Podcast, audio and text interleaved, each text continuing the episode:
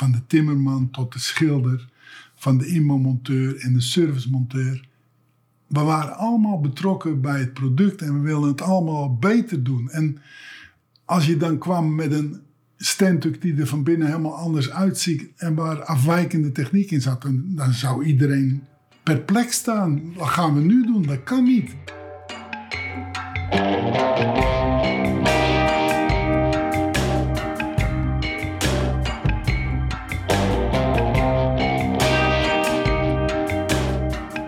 Je luistert naar Op Koers, een podcast van Damen. Over hoe een visionair idee uiteindelijk uitgroeit tot een van de grootste scheepsbouwers ter wereld. Mijn naam is Volker Tempelman en ik heb al jaren een grote fascinatie voor Nederlandse ondernemers, in binnen- en in buitenland. In deze podcast neem ik je mee in een bijzonder verhaal over tegenwind en doorzettingsvermogen, over durven en doen.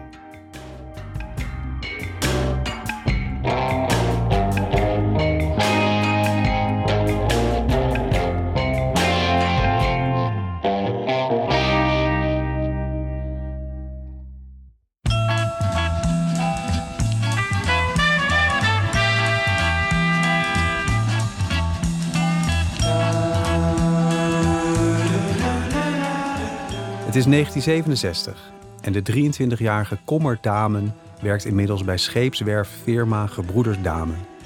Nadat hij de HTS heeft afgerond en een tijd bij de marine heeft gezeten. Het bedrijf bestaat uit drie kleine werven en een timmerfabriek. Zijn neef is verantwoordelijk voor de productie. Kommer is samen met zijn vader verantwoordelijk voor de verkoop. Samen met zijn vader vormt hij ook de directie.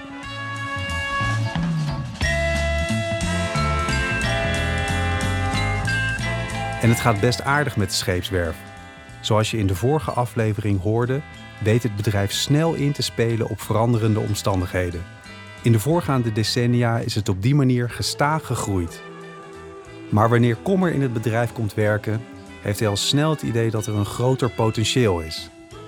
Het bedrijf kan een stuk harder groeien en succesvoller zijn dan nu het geval is. En Kommer weet ook hoe. In een uitgebreid plan zet hij zijn visie uiteen. Hij wil boten gaan leveren met een veel kortere levertijd dan op dat moment gebruikelijk is. Als je uh, rompen in voorraad neemt, je neemt uh, hoofdmotoren, uh, schroevensinstallaties en je hebt het allemaal in stok, dan kun je ongeveer in twee weken tijd zo'n ding assembleren en dat is voldoende korte levertijd. Ik ben uh, commandant. Op voorraad boten bouwen. In Nederland wordt dat eind jaren 60 nergens gedaan. En door kleine werven al helemaal niet. Ik ben Joke Korteweg en ik uh, ben maritiem historicus. En een van mijn specialiteiten is de Nederlandse scheepsbouw, met name in de 19e en de 20e eeuw. Je gaat investeren in iets wat heel onzeker is, want wordt die voorraad verkocht? Zijn er afnemers straks voor die voorraad? En dat moet dus wel, wel te doen zijn. En dat is het vaak voor een simpel familiebedrijf niet. De familie moet bereid zijn om daar geld in te stoppen en het geld moet er zijn. Dus vanuit de familie werd er wel met een bepaalde argwaan naar gekeken van ja, moeten we niet gewoon doorgaan zoals we altijd gewerkt hebben. Nou, het hele plan werd afgeschoten door zowel mijn uh, neef als mijn oom als mijn vader. En hebben we toch week nog een jaar over gesproken. En uiteindelijk hebben mijn oom en vader besloten om het bedrijf te splitsen. Omdat ze allebei hadden gezegd, ja, die twee jongens samen, dat, dat wordt er niks dat, dat het bedrijf uit elkaar halen. De familie vindt Kommer zijn idee dus te riskant.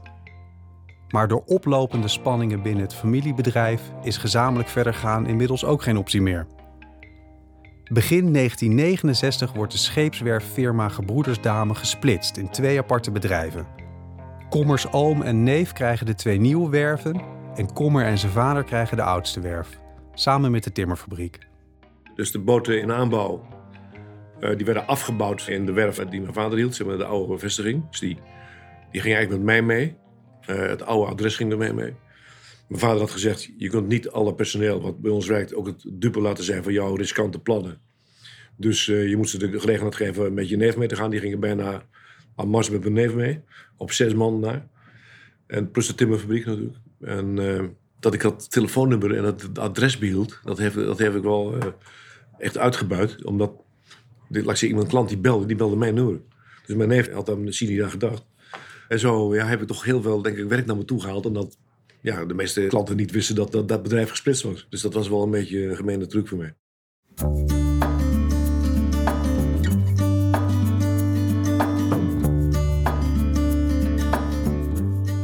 Het nieuwe bedrijf heet Scheepswerf Damen, in plaats van Scheepswerf Firma Gebroeders Damen, zoals het oorspronkelijke bedrijf heet. En dat bedrijf is nu in handen van Commerce Neef. Ze zijn concurrenten van elkaar geworden. Wat betreft klanten, maar ook wat betreft personeel. Van de in totaal 60 werknemers durven er slechts 6 samen met Kommer het avontuur aan te gaan. En dan heeft Kommer nog een uitdaging. De werf die hij en zijn vader nu hebben kan alleen worden gebruikt voor het afbouwen van boten. Voor het bouwen van de casco's heeft hij de hulp van andere werven nodig. Heeft zijn plan eigenlijk wel kans van slagen?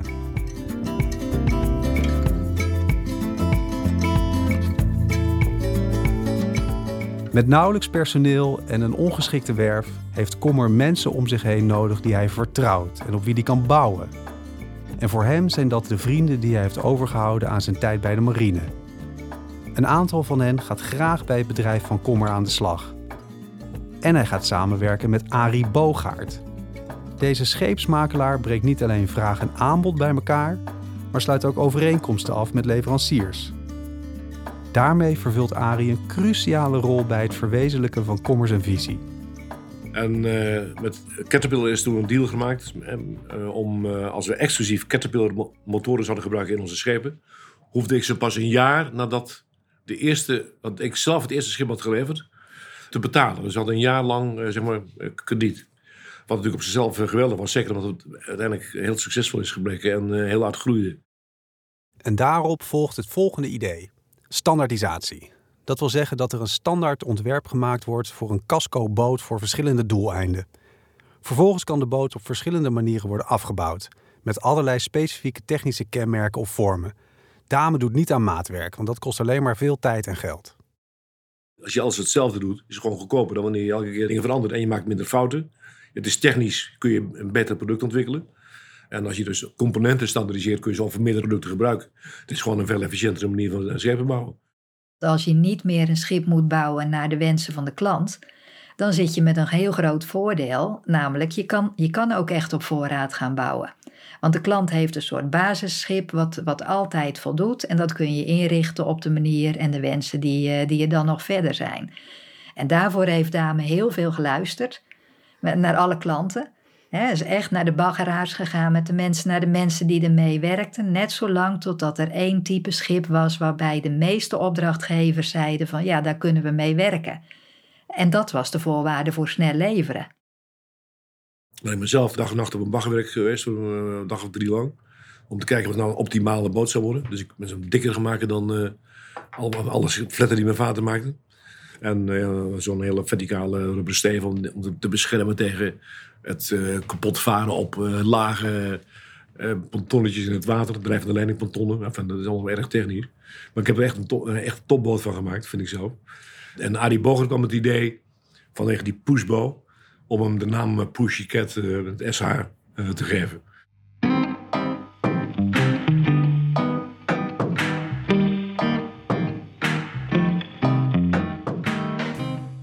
De Pushycat is een multifunctionele boot voor de baggerindustrie. Zo'n 42 voet lang, oftewel 14,5 meter. Met 250 pk ook nog eens ongekend krachtig. De naam verwijst naar de belangrijkste eigenschappen. Pushy, omdat hij kan duwen. En cat, omdat hij wordt aangedreven door een Caterpillar motor. Het is een echte no-nonsense boot die goed kan manoeuvreren langs de enorme baggerzuigers. Het was de Pushycat en later kwam er dan nog een variant waarbij er ook een slaapaccommodatie aan boord was. En het was eigenlijk een soort voorwaarde van er moest, iedereen moest ermee kunnen varen. Het moest een heel simpel schip zijn. Dus zelfs al was de hele bemanning van zo'n baggerschip bezig met werk en was alleen de kok beschikbaar, dan moest de kok, die zou dan nog uh, degene kunnen zijn die met dat scheepje even de bemanning ergens heen zou brengen of, of iets zou ophalen of zo. En dat, uh, dat heeft hij heel erg doorontwikkeld. En dat was voor een kleine werf wel bijzonder. Nou, en, zo zijn er allerlei varianten. En dat schijnt ook weer goed geweest te zijn voor de financiering door de banken. Want banken die, uh, die gaan bij zo'n naam van een standaard uh, model, dat, dat was bijna Zoals je bij een auto spreekt over een, eh, een Volvo uit 1975 of zo, dat heeft een bepaalde waarde. Nou, en dat was hier eigenlijk ook zo. Dat schip dat had al een bepaalde waarde. En dat betekende dat banken ook makkelijker financierden.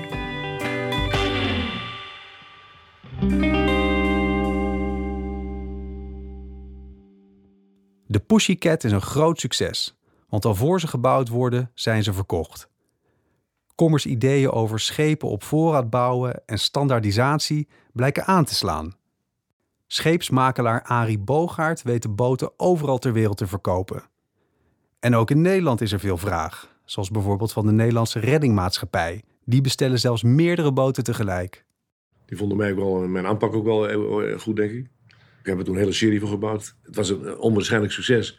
We hebben verkocht uh, als zoete broodjes. Dat ging geweldig, hè? En ook de, de winst was heel goed. Want uh, Arie Bogert verkocht de eerste boot voor 82.500 gulden. Nou, daar had niemand over de prijs genegocieerd. Ik zei, wel wat meer vragen. Dus 87.500 voor de tweede. 92.500 voor de derde. 97.500 voor de vierde. 107,5 voor de vijfde. En toen hebben we een tijdje die prijs heel lang hetzelfde gehouden. Uh, en, en ondertussen ging de korswijze ook omlaag. Want we gingen minder uren maken door die standaardisatie. Konden meer massaal inkopen, allemaal dezelfde dingen die serie inkoopt. Dus, het, dus we maakten een enorme winst. De Pussycat blijkt een stevig fundament voor het succes van Damen. Tussen 1969 en 1973 neemt alleen al de baggerindustrie tientallen Pussycats af. Uiteindelijk worden er door de jaren heen 500 Pussycats gebouwd en verkocht.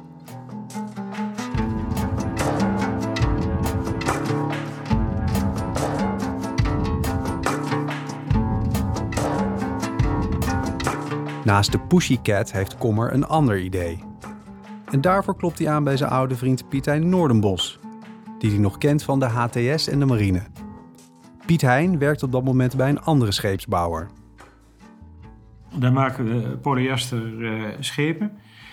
En uh, komt Kommer op bezoek en die zegt: Piet Hein, ik heb een, uh, een idee. Ik wil een snel boot ontwikkelen voor personeelstransport. Van de haven naar het, booreiland of waar dan ook naartoe. Uh, dat moeten ze nu met helikopters doen en dat kan veel goedkoper. En uh, ik zei, nou ja, uh, dat moet niet van staal zijn. dus je, goed dat je hier met, polyester komt. Dus ik zei tegen Kommer, ik wil het wel het ontwerp maken. En dan ga ik hier weg, maar dan wil ik graag als freelance ontwerper gaan werken. Nee, Kommer, dat doen we niet. Ik wil als voor zo'n project, waar zoveel geld in, in omgaat wil ik alleen maar uh, met vaste mensen uh, werken. Op de eerste dag dat ik kom, uh, de tweede dag, maakt Kommer afspraken met zijn vader. Met zijn vader kijken we de nakalculaties na. Wat een vader dan doet, is tegen mij kijken van... jongen, jongen, gaat het niet veel te snel? Dan zeg ik, nee meneer Dame, het gaat niet te snel, het gaat goed, maak je geen zorgen. Piet Hein ontwerpt een polyesterversie van de Pussycat, de Polycat. Met dit nieuwe ontwerp is de boot breder inzetbaar, bijvoorbeeld ook bij de havenpolitie. 1 maart 1971 beginnen we met de Polycat te bouwen daar. Een enorme uitdaging, want het, het, schip was eigenlijk veel te duur voor de werf. Want, maar uit de lopende omzet zeg maar, van de werf is de, de bouw van de Polycat uh, betaald.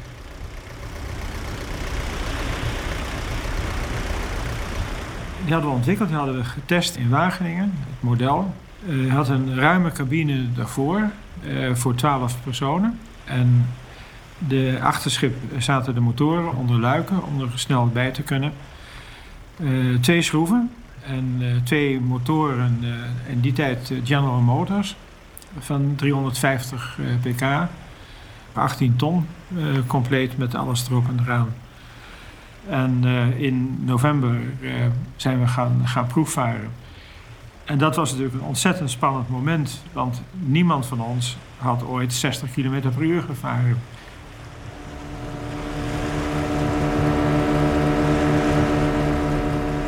Dus dat was een hele ervaring om daar uh, eh, 60 kilometer mee te varen. als we naar Hoek van Londen gingen, konden we dat in een uur doen. En hebben gelijk, volgens mij, twee bekeuringen gekregen van de politie voor te hard varen of te, te veel golven maken. Opnieuw heeft scheepswerf Dame goud in handen. Ook de Polycat is een groot succes. Hongkong, Cameroen, Qatar, Frankrijk. Van overal ter wereld komen de bestellingen voor deze nieuwe, innovatieve boot binnen. En omdat Dame ook hier het concept van standaardisatie en seriebouw toepast, weet het in hoog tempo de boten te leveren. En als iemand daarover kan meepraten, dan is het wel Koen Boudestein. Koen Boudestein, gepensioneerd dame Tux-directeur. Heel veel zaken waren gestandaardiseerd en die kwamen terug op de andere schepen. Dus als je uh, 10, 30 meter slepers per jaar bouwde en je ging er daarna nog 10, 24 meter slepers bijbouwen van een nieuwe serie, dan bouwde je 20 standaard slepers waar je voor 20 slepers ramen, ontluchters, uh, scharnieren, afsluiters, uh, al die componenten, dat volume werd dan groter.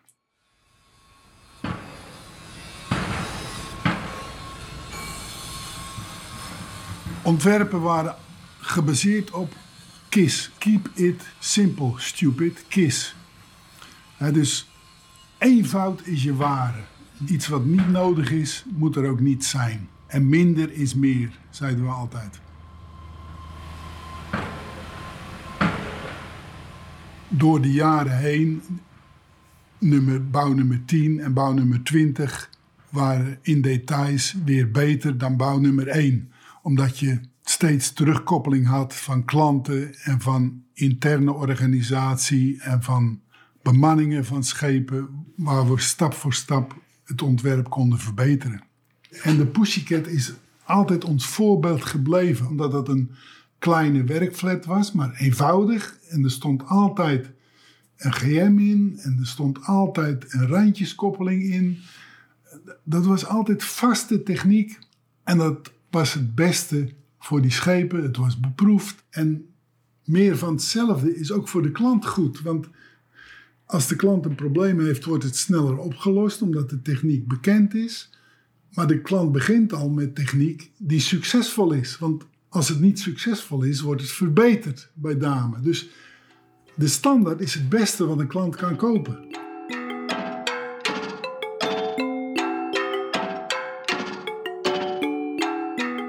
Onder leiding van Kommer groeit scheepswerf Dame gestaag. En de internationale markt wordt steeds belangrijker. Om dat verder te ontwikkelen wil Kommer een verkooporganisatie opzetten. Ik ben Jaap van den Bogert. Jaap komt in 1972 in dienst bij Damen. Daarvoor werkte hij bij een concurrerend bedrijf als reizende salesmanager.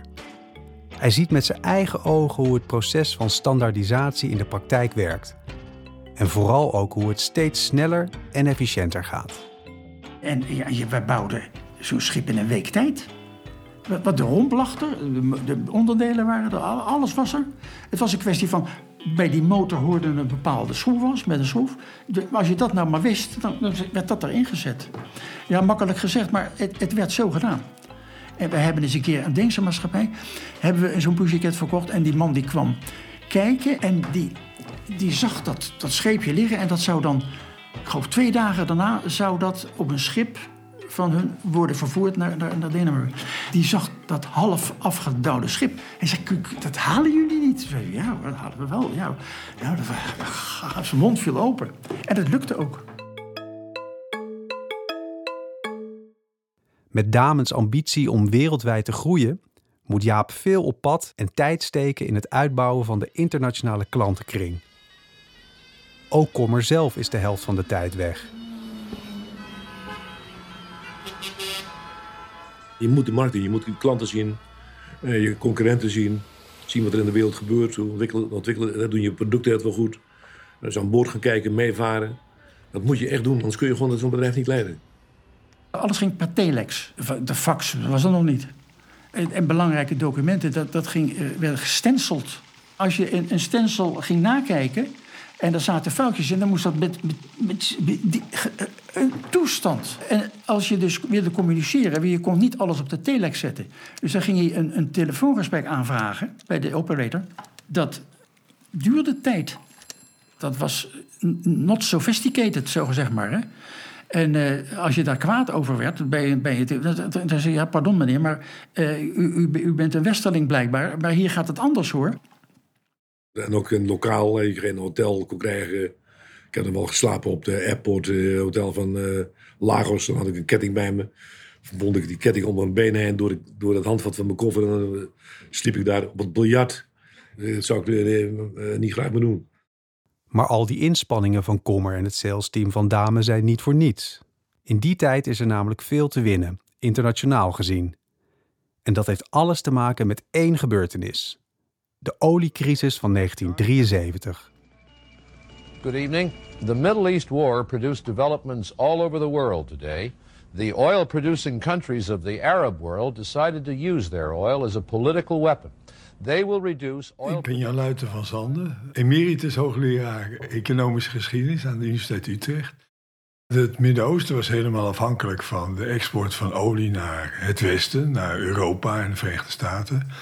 Zij domineerden de hele oliebusiness hadden daarvoor een organisatie opgezet, de OPEC, om te, daar meer controle over te krijgen. En toen was er een uh, oorlog met Israël. En om dat kracht bij te zetten vanuit de Arabische wereld, werd er een olieboycott uitgevaardigd tegen de landen die Israël te veel gesteund hadden, zoals Nederland en de Verenigde Staten. En tegelijkertijd werden de olieprijzen heel sterk verhoogd. Besloten dat vanaf 7 januari benzine alleen nog op de bom te krijgen zal zijn. In Nederland wordt olie gerantsoeneerd.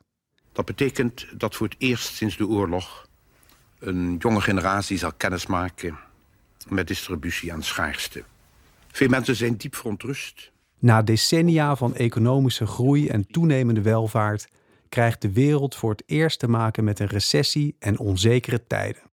De inflatie in het algemeen, dat werd natuurlijk aangewakkerd door die olieprijsstijging, die zorgde dat er een soort schokeffect door de economie ging. Dus dat ook eh, minder economische groei kwam, eh, dat er meer werkloosheid ontstond. En, enzovoort. Dus het was echt een soort keerpunt in de economische ontwikkeling na 1945.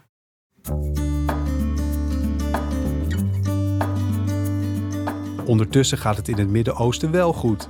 En dat geldt ook voor de bedrijven die daar zaken doen. Nou ja, voor de landen in het Midden-Oosten die over de olie beschikten, was dit booming business natuurlijk. Dus dat uh, betekende dat ze veel meer geld binnenkregen voor hun olie. En dat ze veel meer probeerden te exporteren. En daardoor gingen grote Nederlandse baggeraars en andere mensen in die sector... die gingen havens bouwen in uh, het Midden-Oosten, in Kuwait en andere landen. Ja, de baggermaatschappijen hadden echt volop werk ineens in het Midden-Oosten. Maar dat kwam dus ook vanwege de grote behoefte aan olie. En uh, dat, dat, werd daar veel gevonden. Dus dat betekende voor de werven veel opdrachten om tankschepen te bouwen. En dat uh, betekende voor de baggeraars opdrachten om havens aan te leggen. Dus de baggermaatschappijen hadden daar veel werk. En had eigenlijk de baggermaatschappij zelf behoefte aan die werkbootjes. Maar er moesten in die havens ook brandblusbootjes uh, zijn, loodsbootjes. En die konden allemaal op datzelfde principe van dat flat... met een standaard module erop die je tot een scheepje maakte... konden ze worden geleverd, razendsnel. Alle huurboten waren weg. En toen heeft Kommer daarop gebaseerd van... korte levertijd, kom maar, heb je nieuw. En dat maakte Dame tot een hele interessante eh, partner. Terwijl ze niet op dat moment zelf al een internationaal netwerk hadden, maar in het kielzog van die baggermaatschappijen trokken ze mee. En dat zal ook hebben meegespeeld dat de baggermaatschappijen in de omgeving zaten. Het blijft allemaal toch ook wel, dat traditionele element blijft erin. Ze kenden elkaar. Nou, en zo eh, bleef het aan de ene kant heel traditioneel en klein en geclusterd in die Oudasse Waard. En aan de andere kant heel vooruitstrevend en met zicht op, op wat er in de rest van de wereld gebeurde. En met visie ook wel. En misschien is het ook wel achteraf visie.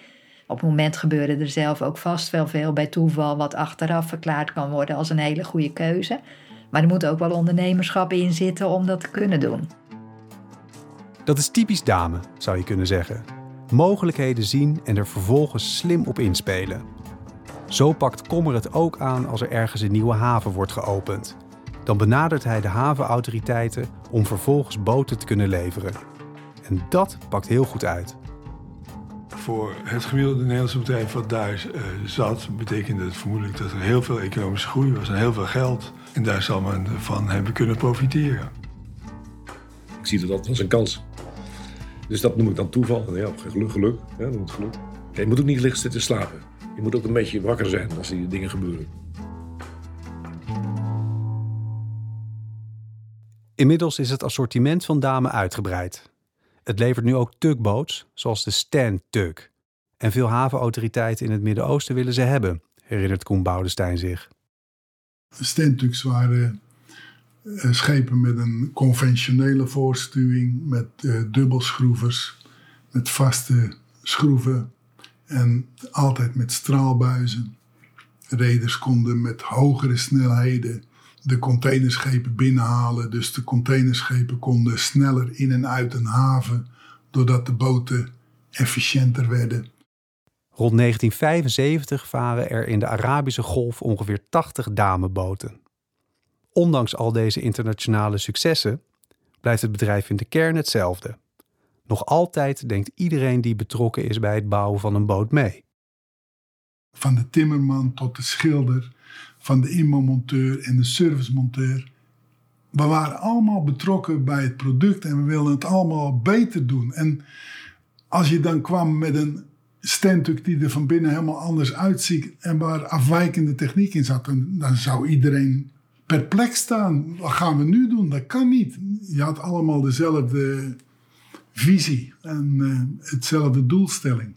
Ja. En de 40 jaar dat ik werkzaam geweest ben in de TUX, hebben we gezien dat die TUX voor dame heel belangrijk geweest zijn. En dat we daar dankzij TUX vele ontwikkelingen hebben kunnen doen en nieuwe investeringen en, en uitbreidingen.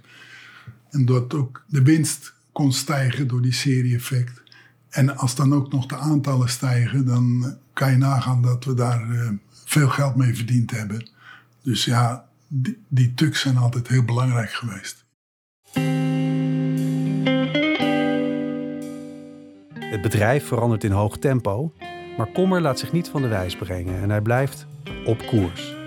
In een televisieinterview begin jaren 90 met journalist Ischa Meijer blikt hij terug op het succes van de eerste jaren. Geeft een zekere satisfactie. Maar geen verolmenachtige potenties, je vader? Geen, geen idee van ik, ik word groot? Nee, absoluut niet, denk ik. Nee. Waarom wilden ze dat niet? Uh, omdat dat niet alle, niet alle geluk komt van groot worden, denk ik. Dus, uh, niet? Alle geluk uh, zal beter worden als je een groter bedrijf krijgt. Dus dat was absoluut niet de intentie van mijn ouders, denk ik. Bij jou was dat wel, hè? ook niet. Dat is... Toevallig zo gegaan? Ja, dat, komt, dat doet zich voor. Nee, dat geloof ik dus niet. Nee, dat is een flauw. Nee, wel, kijk, je, je, op een gegeven moment dan zie je dat, dat groei ook extra stabiliteit geeft. Hè, dat, dat je extra maar waarom zag je vader dan niet dat de groei extra stabiliteit geeft? Wat, wat is dat verschil in ondernemerschap? Was je vader nou een typische ondernemer van kort na de oorlog? Of... Ja, mijn vader is voor de oorlog begonnen in 1927. Ja, maar... Dus dat is, ja. uh, dat, dat, dat is één ding. Het is, een, het is ook een andere tijd geweest. Ja. ja. Uh, en ook, de, ook niet, de, niet de mogelijkheid gehad om te kunnen groeien. Je moet, die omstandigheden moeten zich ook, ook gunstig voordoen. Na de oorlog had, had de staat in Nederland weinig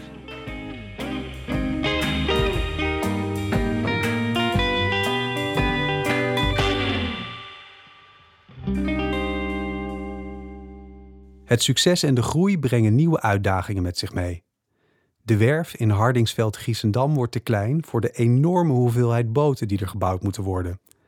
Dame telt inmiddels 150 werknemers. Toen kwam het idee van, nou, maar we hebben ook een groter terrein nodig. Dan zijn er meer opslagmogelijkheden, kunnen we misschien ook groter gaan bouwen. Maar niet dat het buiten, buiten de regio geplaatst werd. In feite was het heel dichtbij wat het uh, terrein wat gekozen werd. En ik denk dus dat het puur praktisch was van dan voegen we alles samen. Want er waren natuurlijk ook veel losse activiteiten ontstaan. Dan voegen we alles samen en dan hebben we meer een werf die echt uh, representatief is. Ja, toen heb ik de gemeenteraad van uh, Gorkum uitgenodigd om een keer in Hardersen te komen kijken. En uitgelegd wat we voor plannen hadden, onze groei. Want we werkten toen ook al op gehuurde stukken terrein aan het water van andere werf. En, uh, en toen hebben we gezegd, nou, wij gaan uh, dat en dat heel groot uh, worden en noem maar op. Ja. Toen hebben we de kans gezien om dit terrein hier waar we nu zitten te kopen. Het is klein stuk te De gemeenteraad heeft gelukkig wel oren naar de plannen. Vooral vanwege de werkgelegenheid die het met zich meebrengt. Zo vertelt Dina, de zus van Kommer. En hij, hij kreeg er ook uh, uh, alle handen op elkaar om, om dit uh, te kopen. En, geldschieters en hoe dan ook. En de gemeente mee. Dit is natuurlijk een gouden greep geweest van om dit te doen.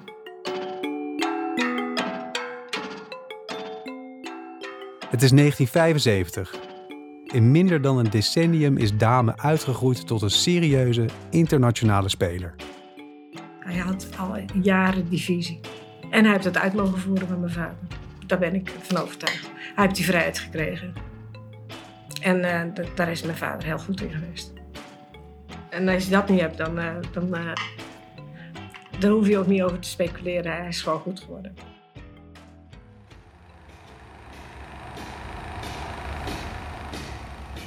Uiteindelijk besluit vader Jan helemaal uit het bedrijf te stappen. Het nieuwe dame groeit zo snel dat hij het tempo van alle ontwikkelingen niet meer kan bijbenen. Hij verkoopt de werf in zijn geheel aan Kommer, maar blijft nog wel op de achtergrond betrokken. En voor Jan is er nog één belangrijke taak: het slaan van de eerste paal van de nieuwe werf.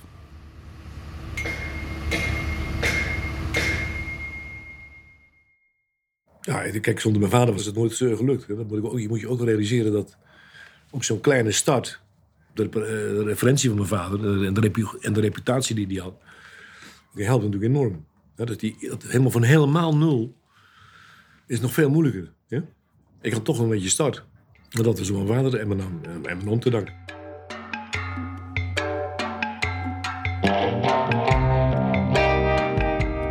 Opmerkelijk genoeg is Kommer er zelf niet bij als zijn vader de paal in de grond slaat. Hij is onderweg naar Frankrijk. Om boten te verkopen, uiteraard. Niets lijkt het succes van Dame nog verder in de weg te staan. Van beter kan het alleen maar naar nog beter. Maar een crisis in eigen land begint te broeien. Kan Dame dat ook overleven?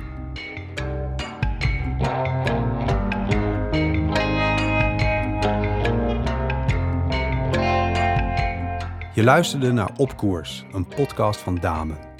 Gemaakt door audio agency Airborne. Niks missen? Abonneer je in je favoriete podcast-app.